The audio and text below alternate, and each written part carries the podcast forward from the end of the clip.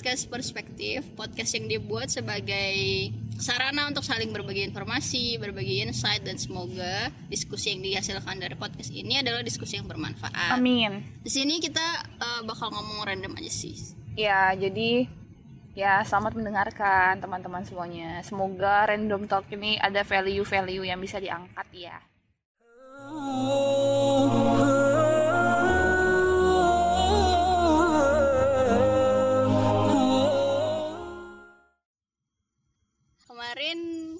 eh, saya berkesempatan untuk ik- mengikuti kajian Islamisasi Sains oleh Ustadz Budi Handrianto.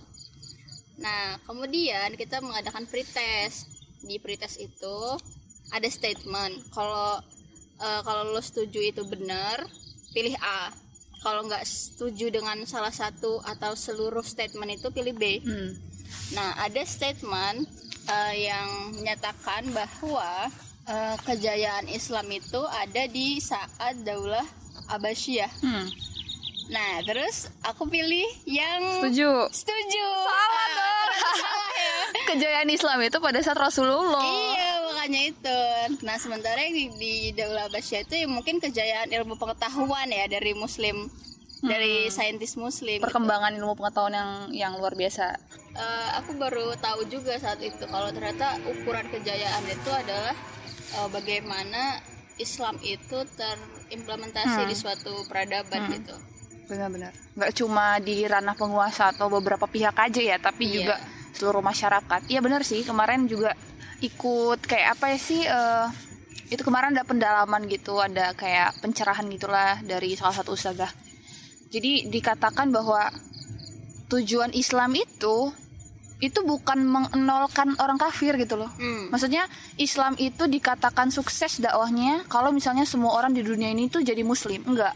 Karena sunatullahnya bakal terus ada gitu loh. Sampai kiamat ya. Eh, sampai kiamat orang kafir dan orang muslim gitu. Tapi bukan seperti itu, tapi gimana eh, orang-orang kafir itu sudah nggak punya daya dan kekuatan lagi untuk merendahkan, untuk ngeganggu orang muslim gitu. Nah itu kan yang terjadi di zaman Rasulullah, di mana orang-orang kafir itu sudah nggak punya lagi keberanian, nggak punya lagi kekuatan untuk ngeganggu kaum muslimin gitu.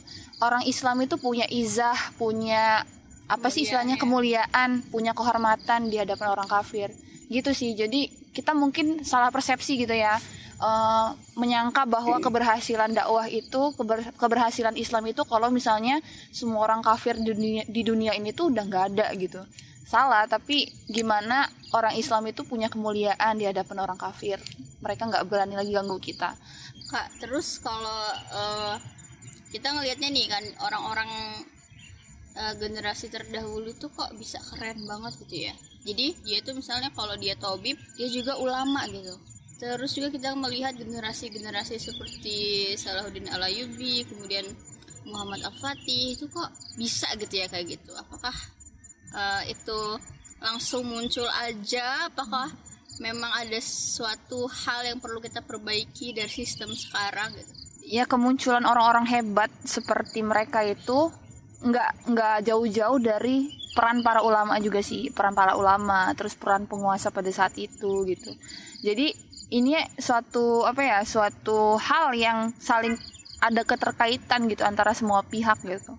Kita nggak bisa mengatakan oh, Salahuddin Al-Ayyubi atau Muhammad Al-Fatih atau generasi-generasi sebelumnya itu ada begitu aja gitu loh sebagai rahmat dan karunia dari Allah tiba-tiba Allah turunkan mereka gitu.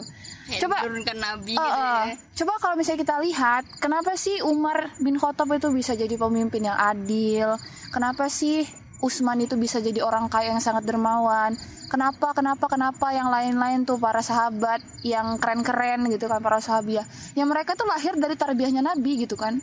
Bukan tiba-tiba ada gitu. Ya memang mereka didukung dengan sifat pribadi mereka yang baik gitu yang sifat-sifat yang hanif. Tapi kan mereka terbentuk gitu. Mereka tuh dibentuk dari uh, madrasahnya Nabi gitu. Gitu juga dengan Salahuddin dengan Muhammad Al Fatih kalau misalnya Safira pernah dengar kajiannya Ustadz Budi dan Ustadz Asep Sobari ya beliau tuh mengatakan generasi Salahuddin terus generasi Muhammad Al-Fatih itu bukan tiba-tiba Allah turunkan untuk membebaskan Baitul Maqdis untuk membebaskan Konstantinopel gitu aja gitu loh.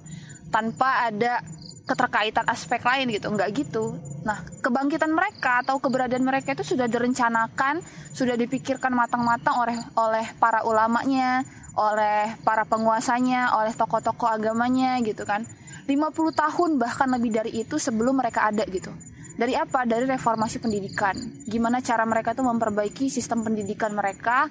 Gimana caranya supaya mereka itu bisa menghasilkan orang-orang yang akhirnya seperti Salahuddin Al-Ayyubi itu gitu. Jadi itu proses panjang yang yang nggak nggak apa ya? instan. Nggak instan gitu, nggak spontan hadirannya. Dan ngomongin tentang itu, nah ini juga sih yang deep banget sebenarnya ngomongin soal peran ya, peran kita hidup sebagai manusia di bumi ini gitu Ustadz Budi Asari itu pernah bilang nggak lama setelah Salahuddin al Ayyubi itu menaklukkan Baitul Maqdis beliau itu dipanggil sama Allah pulang seolah-olah Allah itu menurunkan beliau itu maksudnya Allah itu menghadirkan sosok beliau itu hanya untuk membebaskan Baitul Maqdis. Itulah peran dia gitu loh. Itu tuh pas denger itu tuh merinding gitu loh. Maksudnya Allah itu menurunkan satu peran kepada Salahuddin itu untuk membebaskan Baitul Maqdis. Terus aku berpikir gitu loh maksudnya ya Allah peran kita ini apa? gitu loh. Peran kita turunkan di bumi itu apa? Apakah kita hanya hidup gini-gini aja? Maksudnya ya hidup untuk makan. Hidup untuk makan hidup untuk kerja doang kerja untuk ngisi perut. Nggak ya. punya peran peradaban yang yang bisa kita keluarkan untuk bermanfaat bagi orang gitu. Itu sih sebenarnya. Makanya kerja kerja kerja total mati aja. Kayak apa ya pointless banget hidupnya gitu loh. Kayak nggak ada makna.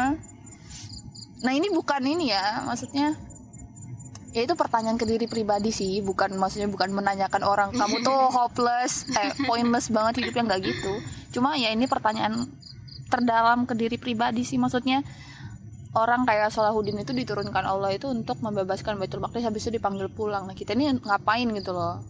Nah, dari situ harusnya kita berpikir kita tuh bisa apa, bisa menyumbangkan apa gitu sih. Jangan-jangan hidup kita ini bukan untuk memberikan manfaat tapi malah nyusahin orang gitu. Ngerinya gitu. Itu juga bisa jadi apa ya?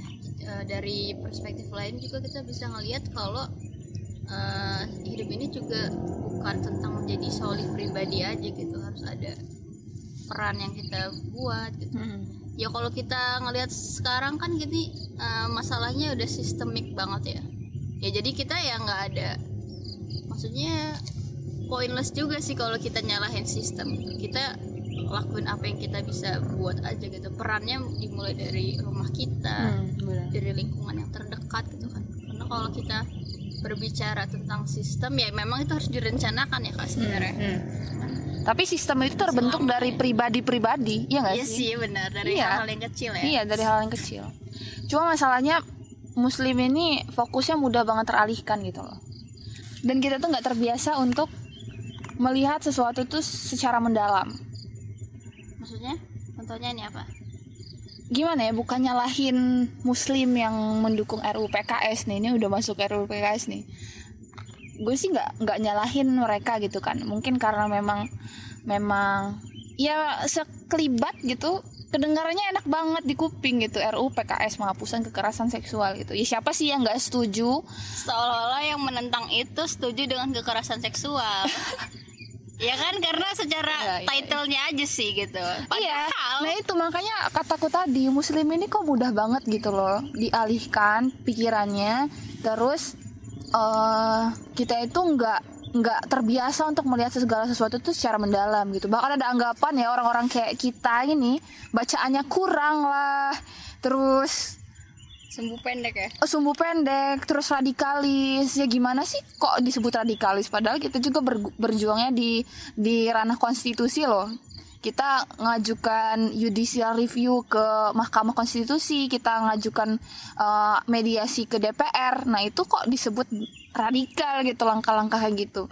Kita demo diprotes kita lewat konstitusi juga diprotes. Jadi maunya apa gitu loh. Diem aja disuruhnya. Iya, jadi gimana ya? Kok kayaknya ya tadi itu mungkin itulah yang harus kita perbaiki ya. Kita nggak bisa tuh ngelihat satu permasalahan tuh dari kulitnya aja gitu. Kita harus bongkar ke dalam-dalamnya. Kita nggak bisa nganggap bahwa oh namanya penghapusan kekerasan seksual. Ya oke setuju, dukung dukung gitu. Karena yang di blow up itu oleh para pengusungnya itu adalah kasus-kasus kekerasan seksual yang terjadi pada perempuan kebanyakan kayak gitu. Tapi apakah kekerasan seksual itu hanya terjadi pada perempuan? Enggak. Pada laki-laki juga banyak itu terjadi gitu. Para perempuan yang memaksakan hasrat seksualnya kepada laki-laki itu banyak gitu loh. Dan itu yang nggak di blow up. Ada juga kasus yang di mana laki-laki itu di dia menjadi korban kekerasan seksual oleh laki-laki lain. Nah itu juga itu kan termasuk kejahatan gitu loh, termasuk kejahatan. Makanya terma ini sudah sering dibahas ya, nggak oleh nggak cuma oleh saya tapi juga oleh banyak orang yang yang aktif untuk menolak penghap eh, RUU ini gitu. Terma kekerasan itu aja udah masalah gitu. Terma kekerasan tuh maknanya paksaan. Oh berarti bisa di bisa diasumsikan atau bisa ditafsirkan bahwa kalau nggak dipaksa nggak masalah gitu. Kan bisa aja orang nafsirkan kayak gitu kan. Makanya penafsirannya pun nggak jelas gitu loh tentang definisi. Nah kita jangan menganggap perkara definisi ini adalah perkara yang remeh gitu. Karena dari dari definisi ini semuanya itu bisa bisa bermula gitu loh. Bisa pasal ini bisa diterapkan atau tidak diterapkan itu dari definisi gitu. Jadi aneh banget sih menurut aku kalau misalnya ada orang yang hanya ngelihat sesuatu itu dari permukaan aja gitu nggak terbiasa deep thinking kayak gitu. Nah ini juga PR kita sih. Sayangnya yang banyak kayak gitu tuh muslim gitu. Dan banyak dari mereka itu yang mengaku atau merasa paling SJW atau SJW nggak? Enggak. Social Justice Warrior. Hmm. Ah, itu Bahasa Twitter ya. hmm, bahasa Twitter banget itu. SJW paling SJW itu dan me, apa ya menafikan atau me- mengesampingkan orang-orang yang beda paham sama mereka. Kayaknya ini ada kaitannya dengan itu juga nggak sih? Krisis identitas muslim. Jadi eh, kayaknya sih ya orang-orang sekarang itu beranggapan bahwa dengan dia menjadi muslim itu dia harus menunjukkan bahwa dirinya itu bisa diterima gitu dengan lingkungan yang lainnya. Itu inferioritas. Mm-mm, Sayangnya gitu. dan dia ngerasa ya itu sih intinya harus diterima eh, padahal kan kalau dakwah itu hanya menyeru kan pada ajaran Allah. Kita nggak punya kuasa atas diterima atau tidaknya dakwah itu Mhm. gitu. dan kita menjadi muslim itu bukan untuk diterima emang. Dan kita emang beda. Jadi itu sih kayak yang kayak dia tuh ngerasa kayak eh gue ini ya dengan definisi open mindednya orang sana gitu. Dia ngikut dengan itu gitu Kenapa bisa kayak gitu kira-kira? Karena dia nggak tahu Islam yang sesungguhnya itu gimana.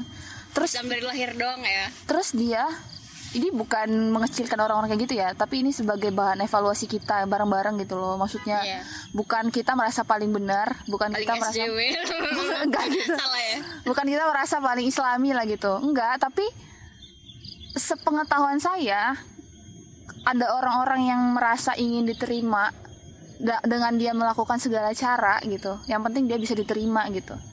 Itu karena dia nggak yakin dengan kebenaran yang dia bawa kebenaran yang dipegang. Dan nggak tahu juga nggak sih? Ya mungkin nggak tahu nggak nggak yakin dan nggak tahu gitu. Kalau misalnya seseorang itu udah yakin atas kebenaran sesuatu pastilah dia punya idealisme gitu loh. Dia nggak nggak belajar tuh gimana kemarin-kemarin para pendahulu kita itu betapa Islam tuh keren banget gitu loh. Dan ajaran Islam ini sudah sempurna gitu loh. Nah karena dia nggak tahu fakta itu makanya dia merasa inferior gitu. Yang penting apa yang saya katakan tuh bisa diterima sama masyarakat modern sekarang gitu. Yang pemikirannya tuh udah campur-campur nggak karuan apalah itu nggak tau lah. Campur-campur ideologinya gitu sih Saf.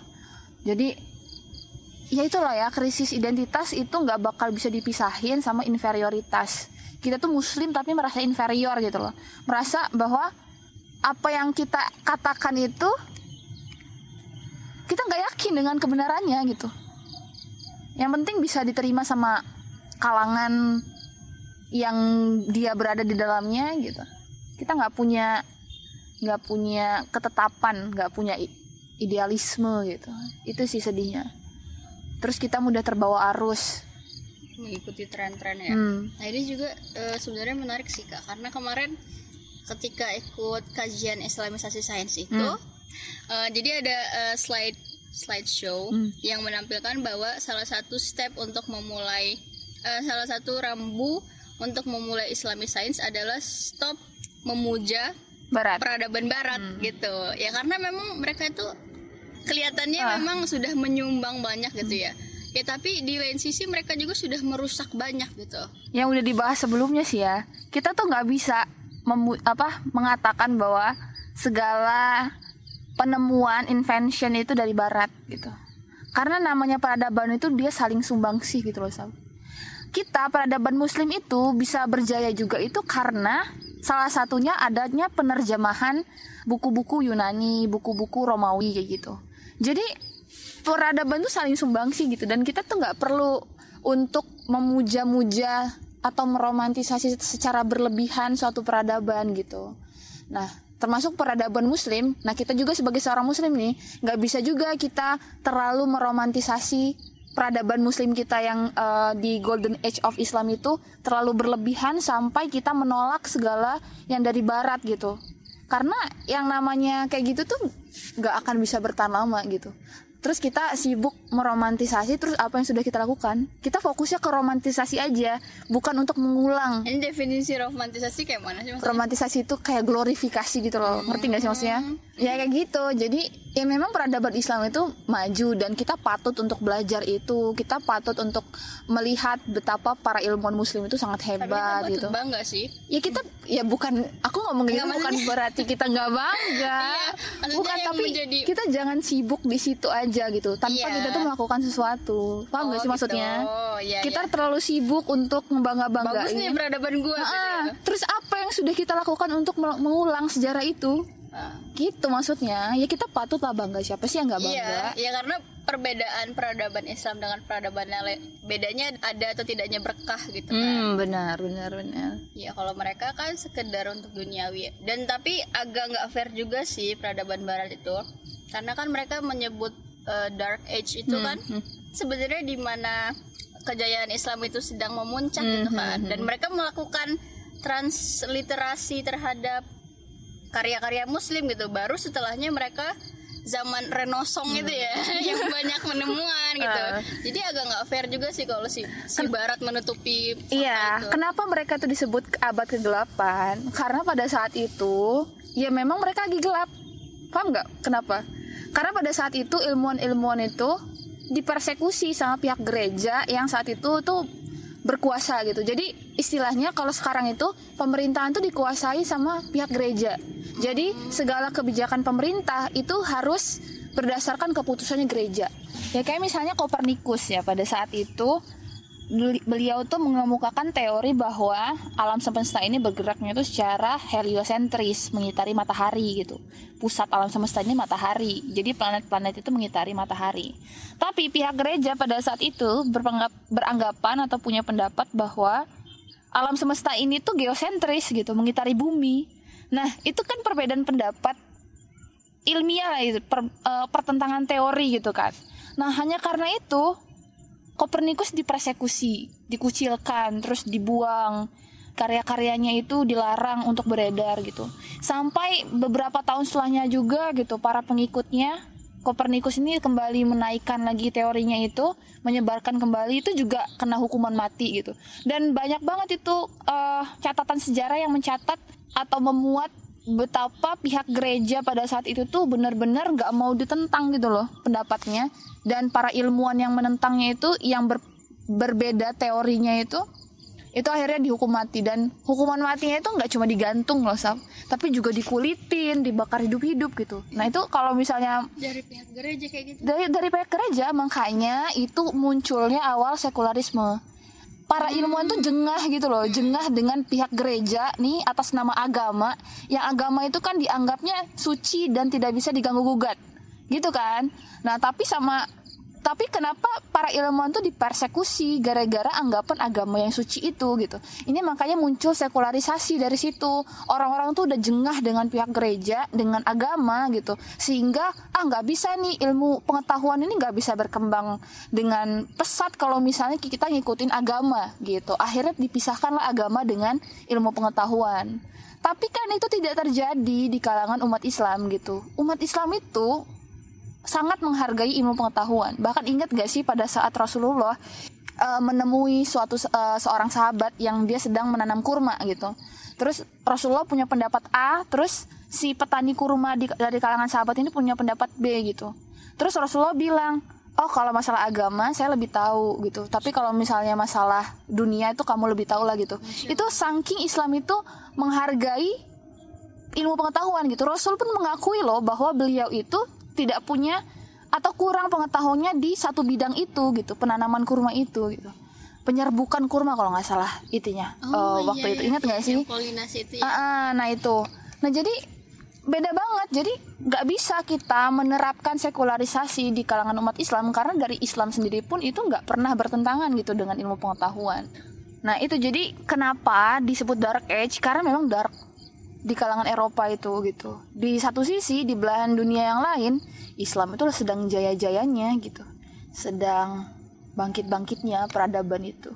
Ah luar biasa sih kalau misalnya kita rumit ya ternyata belajar tentang peradaban itu. Wah, keren banget sih. Maksudnya kita bisa lebih bijak gitu loh ngambil ngambil sikap dan ngambil keputusan dan kita nggak akan memuja barat secara berlebihan terus juga kita nggak jadi inferior gitu loh tentang-tentang kita muslim sekarang tertindas sebenarnya uh, tujuan salah satunya tujuan kita mempelajari sejarah itu kan untuk ngasih kita semangat untuk mengulang kejayaan yang sama gitu. Seperti yang pernah pernah uh, dilakukan atau diciptakan oleh para pendahulu kita dulu gitu. Tapi masalahnya kita tuh males belajar. Nggak kita nggak tahu dan kita jadi inferior gitu. Tapi memang itu ya kalau kita mendengar statement bahwa generasi itu semakin jauh dari generasi Rasulullah kan dia semakin buruk gitu ya. Tapi eh, kenapa kesannya itu kayak ada beberapa beberapa muslim gitu yang beranggapan ya udah kan memang udah sunatullah gitu makin ke sini makin buruk itu gitu. yang dinamakan dengan pesimis. Hmm, pesimisme ya. Pesimisme. Banyak banget isme yang sudah kita bahas ini. Iya pesimis lah, maksudnya kayak gitu sih. Mentang-mentang kita nih udah ditakdirkan surga dan neraka misalnya. Ah kayaknya gue masuk surga, eh masuk neraka deh udahlah gitu kan. Kayaknya nggak apa-apa lah, sekalian aja tanggung gitu. Iya pesimis kan. Padahal rahmat Allah itu turun kepada orang-orang yang menaruh harap pada Allah gitu. Kan kita sebagai muslim tuh dilarang untuk berputus asa. Kalau kayak gitu namanya putus asa nggak sih? hmm. Asa kan kita mentang-mentang ada anggapan bahwa eh, generasi-generasi setelah Rasul itu akan semakin jauh kualitasnya dari generasi mereka.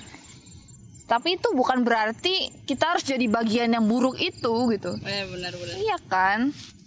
kita malah Kalau- eh, menempatkan diri Nah. yang di tempat yang buruk itu ya iya makanya secara sengaja kan aneh kayak gitu tuh. Kalau bisa tuh kita itu jadi aku ya jadi batu bata penyusunnya aja nggak apa-apa. Nggak harus jadi pasirnya puncak. aja nggak? Heeh, jadi butiran pasir penyusun nanti kebangkitan Islam pun nggak apa-apa jadi sebutir pasir gitu. Nggak perlu lah jadi bendera yang ditaruh di puncaknya nggak perlu lah gitu. Tapi jadi batu bata penyusun atau pondasinya aja nggak apa-apa. Ya sebenarnya simpel aja ya hidup ini tuh kita sekarang hidup gitu. Terus nanti bakal dihidupin lagi itu untuk diminta pertanggungjawaban. Dan diberi reward kalau kita punya effort gitu sebenarnya itu aja sih inti hidup.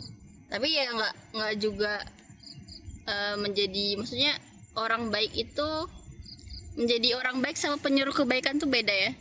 Mm-mm. kadang menjadi penyuruh kebaikan itu ya dibenci gitu.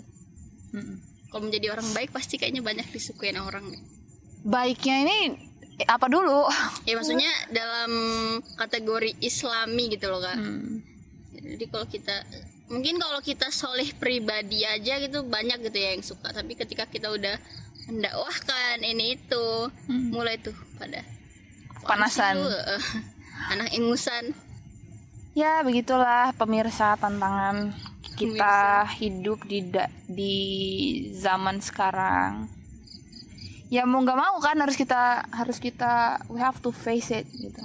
Kalau misalnya nih kak ada para pemirsa yang bertanya apa yang bisa mereka lakukan atau kita lakukan untuk Islam untuk sekarang? Tahu potensi diri itu aja sih. Kenali diri sendiri. Kalau kita mau jadi orang bermanfaat kenalin dulu aja diri sendiri tuh kita tuh kayak apa sih orangnya?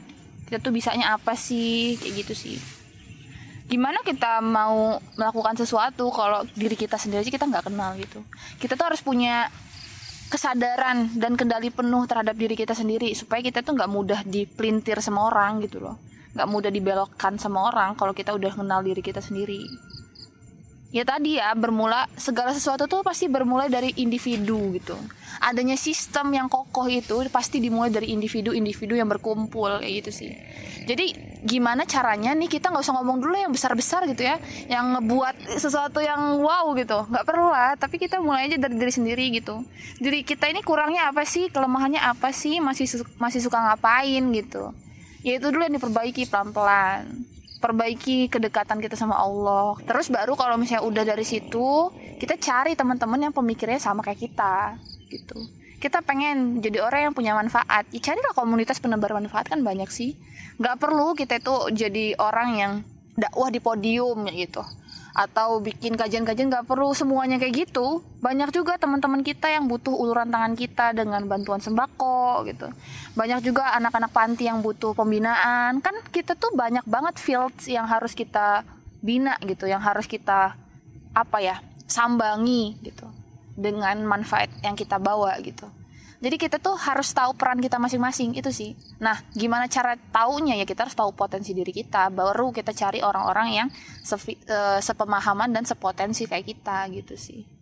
jadi kesempatan berbuat baik itu banyak ya Banyak dan kita tuh bisa berbuat baik dengan apa pun peran yang kita punya gitu. Hmm. Kemarin aku habis dinasihatin sama seorang guru itu. Beliau bilang, ilmuwan-ilmuwan itu juga bisa loh jadi para pembela Islam gitu. Wah itu deep banget sih maksudnya. caranya gimana? Ya dengan menghasilkan sesuatu yang bisa bermanfaat bagi umat apa pun itu. Jadi umat ini mestinya nggak eksklusif enggak. umat Islam? Enggak tapi manusia? manusia. Dan dengan itu kan kita membangun kehormatan kita gitu. Itu PR buat kita Salf kita ini belum ada apa-apanya loh Salf belum memulai apa pun gitu. Teman-teman udah hampir satu jam kita berbicara random ya tentang kehidupan tentang kebangkitan Islam tentang hijrah tadi tentang apa lagi kak? Eh, RUU. RUU tentang saintis-saintis gitu ya. Eh, semoga kita bisa ketemu lagi ya di podcast yang selanjutnya ya. Yang lebih serius. Iya, yang lebih terstruktur. Oh, iya. Ya, tapi semoga despite eh, kualitas yang eh, seadanya teman-teman, ya semoga teman-teman bisa ngambil sesuatu dari eh, perbincangan kita hari ini. Ada yang Oke. bertambah kak? Enggak, cukup. Nah teman-teman semua kita punya Instagram nih, jadi untuk eh, teman-teman pendengar semua bisa interaksi, bisa request, bisa kritik. Sebenarnya kritik sih yang sangat dibutuhkan ya, kritik yang membangun gitu. Jangan kritik yang menghujat ya. Ya kritik eh, bisa request juga untuk tema apa sih yang harus dibawain, tema yang kira-kira menarik untuk dibahas. Nah Instagram kita podcast perspektif underscore ya. Jadi uh, podcast perspektif perspektifnya itu pakai bahasa Inggris. Jangan lupa di follow ya. Ya udah teman-teman semua. Sampai berjumpa lagi. Wassalamualaikum warahmatullahi wabarakatuh. Waalaikumsalam warahmatullahi wabarakatuh. Mm-hmm.